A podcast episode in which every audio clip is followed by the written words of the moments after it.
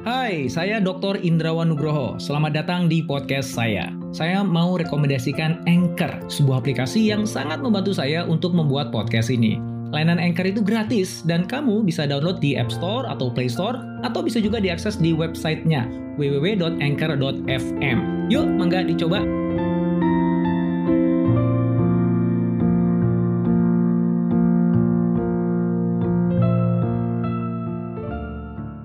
Ribuan investor Bitcoin kaya mendadak gara-gara cuitan Elon Musk. Sejurus kemudian jatuh miskin gara-gara cuitan Elon Musk berikutnya. Habis itu kaya lagi, terus miskin lagi. Kok bisa ya Elon Musk mempermainkan harga Bitcoin kayak begitu?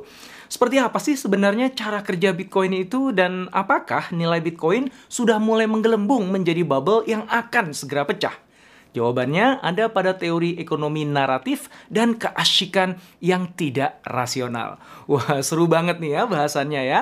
Yuk, langsung aja kita mulai.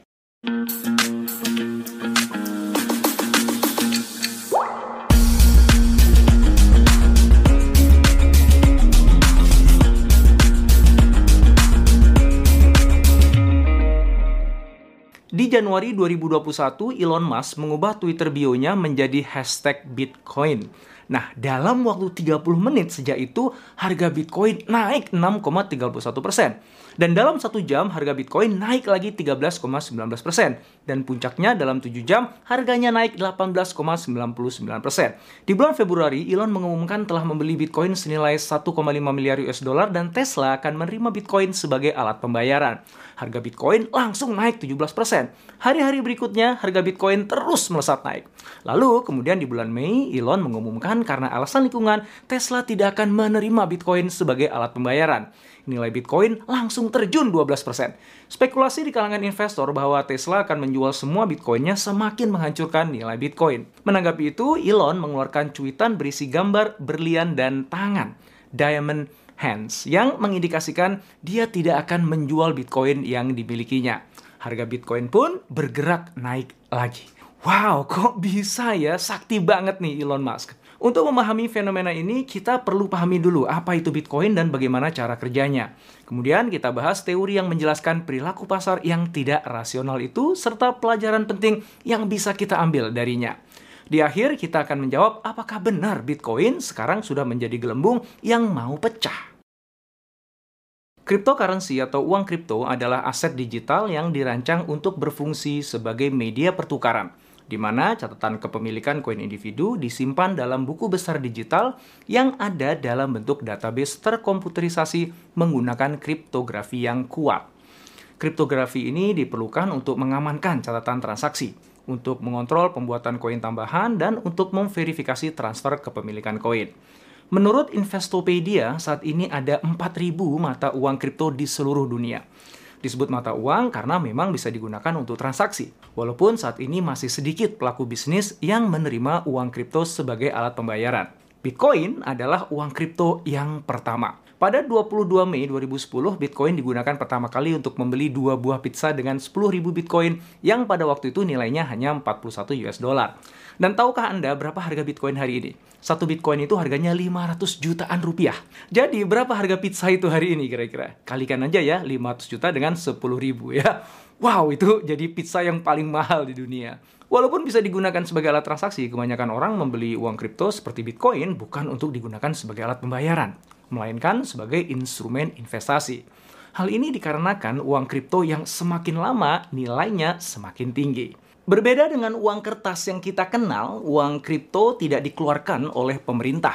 Bahkan nggak ada satu institusi mana pun yang mengontrol pengeluaran dan nilai dari uang kripto tersebut. Jadi siapa dong yang mengeluarkan dan bagaimana kontrolnya? Uang kripto diciptakan oleh orang atau sekelompok orang yang hebat dalam kriptografi digital. Bitcoin diciptakan oleh Satoshi Nakamoto yang sampai sekarang masih belum diketahui siapa dia sebenarnya. Ethereum, uang kripto populer lainnya, diciptakan oleh Vitalik Buterin, seorang pemuda kelahiran Rusia di usia 19 tahun. Program komputer yang mereka ciptakan itu mengontrol mekanisme pengeluaran uang kripto. Proses ini kita kenal dengan istilah mining. Sementara nilai dari uang kripto itu sendiri yang menentukan adalah murni mekanisme pasar. Tidak ada pihak yang bisa mengontrolnya. Bahkan penciptanya sendiri tidak bisa melakukan intervensi. Ketika orang-orang percaya bahwa nilai dari sebuah uang kripto itu akan naik, maka mereka berbondong-bondong akan membeli, sehingga mendongkrak nilai dari uang kripto itu. Sementara ketika orang-orang khawatir akan masa depan nilai dari uang kripto itu, maka mereka akan menjualnya, yang kemudian akan menjatuhkan nilai dari uang kripto tersebut. Jadi sentimen pasar lah yang menentukan naik turunnya nilai uang kripto. Nah, inilah yang menyebabkan kenapa pergerakan harga uang kripto memiliki tingkat volatilitas yang tinggi. Selain menjadi instrumen investasi yang menarik, paling tidak untuk saat ini, uang kripto juga diminati karena aman, privat, mudah, dan murah. Aman karena hingga saat ini teknologi blockchain yang digunakan untuk menjalankan uang kripto tidak bisa dihack. Pemerintah juga tidak punya kuasa atas uang kripto Anda. Pemerintah nggak bisa tiba-tiba membekukan uang kripto Anda layaknya mereka membekukan rekening Anda di bank karena satu dan lain hal. Privat karena tidak ada orang termasuk pemerintah yang bisa tahu berapa banyak uang kripto Anda dan sudah Anda transaksikan untuk apa saja. Hanya Anda saja yang tahu. Mudah karena Anda dapat memindahkan uang kripto Anda ke mana saja dan ke siapa saja dalam sekejap. Murah karena hampir tidak ada biaya yang harus Anda keluarkan untuk transaksi atau transfer uang kripto. Karena tidak seperti bank, transaksi atau transfer uang kripto tidak menggunakan perantara pihak ketiga sama sekali. Langsung peer-to-peer. Keuntungan-keuntungan inilah yang membuat uang kripto diminati oleh para kriminal. Dengan menggunakan uang kripto, mereka dengan mudah bisa melakukan pencucian uang. Mereka juga leluasa melakukan transaksi kriminal dan mengelola harta mereka tanpa terdeteksi. Terlepas dari berbagai keuntungannya, uang kripto ternyata nggak terlalu disukai oleh mereka yang ingin menggunakannya sebagai alat pembayaran, dikarenakan nilainya yang naik turun secara dramatik. Anda tentu saja nggak ingin dong kecolongan membeli pizza dengan uang kripto yang bernilai miliaran rupiah beberapa tahun kemudian. Iya kan? Nah, Terkait dengan hal itu, sebenarnya sudah ada solusinya, yaitu uang kripto berjenis stablecoin. Ini adalah uang kripto yang nilainya dipatok dengan nilai aset fisik seperti emas, perak, atau uang kertas. Dengan menggunakan stablecoin, selain Anda mendapatkan empat keuntungan yang saya sudah jelaskan sebelumnya, Anda juga nggak akan merasa deg-degan. Kenapa? Karena nilai koin Anda itu stabil, mengikuti pergerakan harga aset fisik yang jadi patokannya. Sayangnya uang kripto berjenis stablecoin ini kalah populer dibandingkan Bitcoin atau Ethereum karena memang kurang seksi di mata investor. Maka hype-nya kurang. Sekarang kita tahu ya bahwa uang kripto memiliki volatilitas yang tinggi karena murni mengikuti mekanisme pasar. Tapi itu belum menjelaskan kenapa ada orang seperti Elon Musk yang bisa seenaknya sendiri memainkan nilai Bitcoin. Nah, jawaban dari pertanyaan itu ada pada teori naratif economics atau ekonomi naratif yang dikembangkan oleh Robert Schiller, profesor ekonomi dan penerima hadiah Nobel dari Yale University. Ekonomi naratif adalah sebuah teori tentang bagaimana cerita populer yang muncul di masyarakat bisa menggerakkan ekonomi. Di awal abad 17, bunga tulip menjadi populer sebagai bunga eksotik yang diburu oleh para kolektor. Dalam waktu singkat, permintaan akan bunga tulip melampaui ketersediaannya, sehingga harganya pun naik. Popularitas tulip yang harganya semakin tinggi itu mengundang masyarakat umum untuk ikut berjual beli tulip. Nah, di tengah masyarakat muncul sebuah narasi tentang orang-orang yang mendadak kaya karena tulip. Akhirnya, semua orang mulai membeli tulip. Permintaan yang semakin tinggi ini membuat harga tulip semakin menggila. Pada puncaknya, setangkai bunga tulip dihargai sama dengan sebuah townhouse. Wow, dan semua proses jual beli tadi itu terjadi tanpa si tulip meninggalkan perkebunan, masih tertanam di atas tanah. Pada awal tahun 1637, orang-orang mulai kehilangan kepercayaan terhadap masa depan nilai bunga tulip. Narasi tulip berubah. Masyarakat jadi panik. Mereka mulai berhenti membeli tulip sementara produksi jalan terus. Harga tulip pun terjun bebas secara masif sambil membawa jutaan orang bangkrut bersamanya. Kisah serupa muncul lagi di penghujung abad 20. Popularitas internet yang meroket mendongkrak nilai pasar perusahaan-perusahaan berbasis internet pada saat itu. Internet adalah masa depan ekonomi dunia. Maka bisnis berbasis internet adalah investasi yang sangat menjanjikan. Begitu narasi yang beredar di kalangan investor pada saat itu. Ribuan perusahaan.com pun lahir saat itu, di backup dana oleh ribuan investor yang nggak mau ketinggalan zaman. Sayangnya mayoritas perusahaan.com itu tidak memiliki model bisnis yang jelas. Nilai dari produk atau layanannya pun juga belum teruji. Tapi .com boom sudah kadung jadi hype para investor rebutan beli saham tanpa melakukan analisa fundamental atas kinerja dari perusahaan yang sahamnya mereka beli. Akhirnya, setelah lima tahun bergerak naik secara eksponensial, di tahun 1999 gelembung.com pun pecah. Di tahun 2002, para investor kehilangan uang senilai 5 triliun US dollar.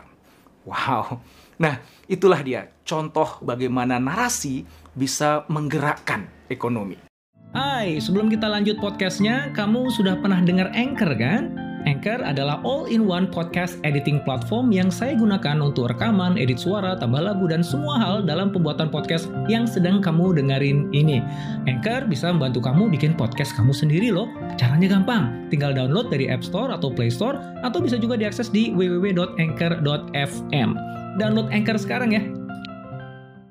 Baik, kita kembali ke Bitcoin narasi juga lah yang mendongkrak nilai Bitcoin jadi seperti sekarang. Bitcoin adalah sebuah harapan. Harapan untuk menjalankan aktivitas ekonomi tanpa terbelenggu dari sistem keuangan yang dinilai kuno. Bitcoin merupakan janji masa depan. Dan itu jelas-jelas merupakan narasi yang sangat menarik. Para investor awal yang membeli Bitcoin merasa dirinya menjadi bagian dari kelompok orang yang tercerahkan dan lihai secara teknologi.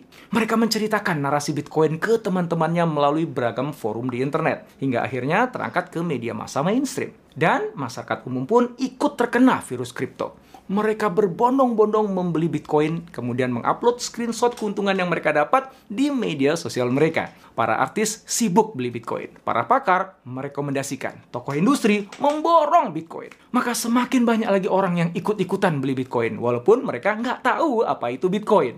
Nilai Bitcoin pun semakin menggila. Popularitas Bitcoin ini kemudian memicu naiknya nilai dari uang-uang kripto lainnya. Dan saking hebatnya pertumbuhan nilai uang kripto ini, Coinbase, sebuah platform pertukaran mata uang kripto, melakukan IPO dengan nilai valuasi yang lebih besar dari The New York Stock Exchange dan Nasdaq digabung jadi satu.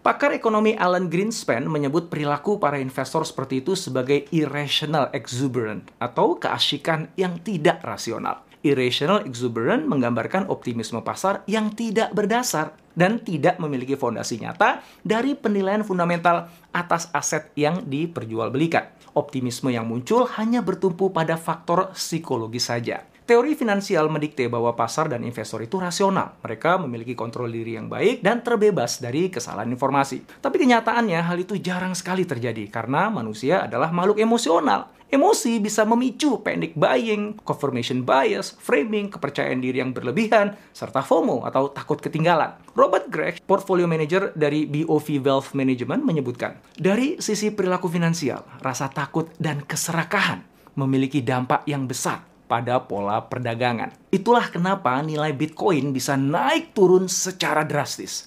Roller coaster emosi dari para investor lah yang menentukan harga Bitcoin, bukan nilai nyata dari asetnya itu sendiri. Tapi itu tetap nggak menjelaskan kenapa satu orang seperti Elon Musk bisa mempermainkan harga Bitcoin. Nah, kalau untuk jawab pertanyaan itu, kita perlu memahami dua hal dulu nih. Yang pertama, dalam situasi tidak menentu, kita perlu pegangan. Bitcoin itu kan hanya baris kode di komputer. Maka sulit bagi kita untuk menentukan berapa nilai sesungguhnya. Berapa nilai dasar dari Bitcoin. Kalau kita bermain saham, kita kan bisa lakukan analisa fundamental berdasarkan kinerja perusahaan dan kondisi finansialnya. Sementara Bitcoin, bagaimana kita lakukan analisa fundamentalnya? Yang bisa kita lakukan adalah analisa teknikal berdasarkan data historis pergerakan harga. Yang itu kita tahu sangat dipengaruhi oleh emosi para investor. Jadi nggak ada rujukan rasional yang bisa kita pakai. Di tengah ketidakpastian itu ditambah dengan volatilitas harga yang bikin deg-degan, respon alami kita adalah berpegangan ke orang pintar orang yang kita yakini paling tahu tentang Bitcoin. Dan Elon Musk adalah salah satu orang pintar yang paling berpengaruh. Hal yang kedua adalah Bitcoin memerlukan kredibilitas. Kalau uang kertas itu jelas punya kredibilitas tinggi ya. Kita semua tanpa berpikir panjang akan menerimanya, menyimpannya, dan menggunakannya sebagai alat tukar. Karena selain memiliki aset fisik sebagai penjamin, uang kertas dikeluarkan oleh pemerintah dan diterima di semua negara.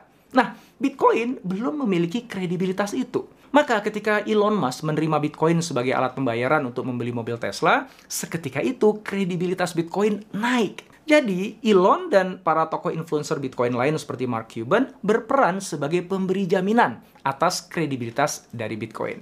Nah, setelah menyimak penjelasan ini, kita jadi tahu ya bahwa Elon Musk tidak mengontrol harga Bitcoin. Setidaknya tidak secara langsung. Elon mengontrol narasi yang mempengaruhi perilaku investor. Investor menggerakkan pasar. Pasar yang menentukan harga Bitcoin. Nah, pertanyaan terakhir, apakah Bitcoin sedang mengalami bubble pada saat ini? Nah, sebelum kita jawab pertanyaan itu, yuk kita kaji dulu pelajaran penting dari kisah roller coaster uang kripto ini. Kisah-kisah yang saya ceritakan sebelumnya menunjukkan betapa besarnya pengaruh dari sebuah narasi.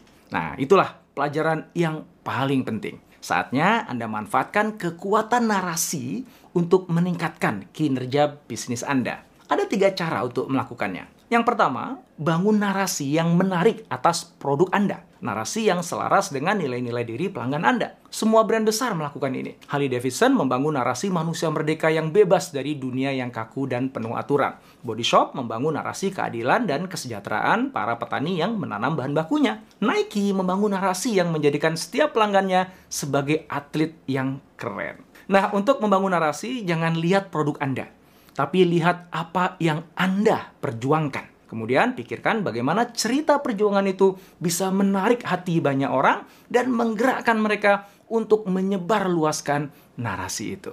Yang kedua, manfaatkan orang-orang yang punya pengaruh atas segmen pasar yang Anda garap. Elon Musk adalah influencer nomor satu untuk para investor Bitcoin. Bisnis para artis tanah air mudah sekali naik daunnya, karena si artis yang punya bisnis itu berlaku sebagai influencer yang sangat kuat. Maka brand-brand besar berani bayar mahal para artis atau tokoh untuk jadi influencer mereka. Yang ketiga, tunggangi narasi yang tengah populer. Kalau Anda nggak sanggup membangun narasi Anda sendiri, ya tunggangi aja yang ada. Coinbase diuntungkan dengan narasi kripto yang lagi booming. Merek kosmetik Wardah tumbuh cepat di atas narasi hijrah di kalangan umat Islam. Maka deteksi apa narasi yang tengah atau akan naik daun dalam waktu dekat ini. Misalnya sekarang ini muncul semangat cinta produk lokal. Nah, bagaimana bisnis Anda bisa menunggangi narasi itu agar bisa terdongkrak omsetnya? Kembali pada pertanyaan, apakah Bitcoin itu sebuah bubble? Sebagian pakar ekonomi seperti Robert Schiller menjawab iya. Demikian juga investor kawakan Warren Buffett yang menyebut Bitcoin sebagai sebuah delusi. Memang sih, ciri-ciri dari sebuah bubble terlihat pada dinamika perkembangan Bitcoin dan uang kripto lainnya saat ini. Namun demikian, tokoh industri seperti Elon Musk, CEO Twitter Jack Dorsey, dan investor populis Mark Cuban tetap meyakini masa depan yang cerah dari uang kripto. Mereka mempertaruhkan kekayaan mereka pada keyakinannya itu. Mungkin terlalu dini ya jika kita mengambil kesimpulan saat ini. Seperti yang dikatakan ekonom John Maynard, the market can stay irrational longer than you can stay solvent. Pasar dapat terus tidak rasional lebih lama dari kemampuan Anda menjaga kesehatan finansial. Saat ini kita masih berada pada masa-masa awal perkembangan teknologi uang kripto pemanfaatan dari teknologinya pun belum sepenuhnya dioptimalkan. Pada akhirnya, sebagian besar uang kripto akan musnah.